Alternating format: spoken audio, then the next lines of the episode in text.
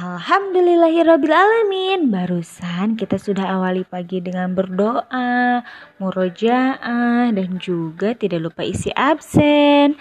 Sekarang saatnya kita lanjutkan pembelajaran kita yang pertama. Hari ini kita akan awali dengan mengerjakan learning kit.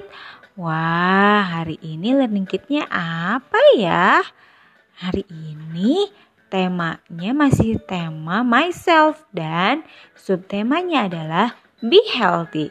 Hmm, kira-kira apa ya hubungannya subtema kali ini dengan learning kit yang akan kita kerjakan?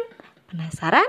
Yuk simak videonya dan selamat mengerjakan learning kit.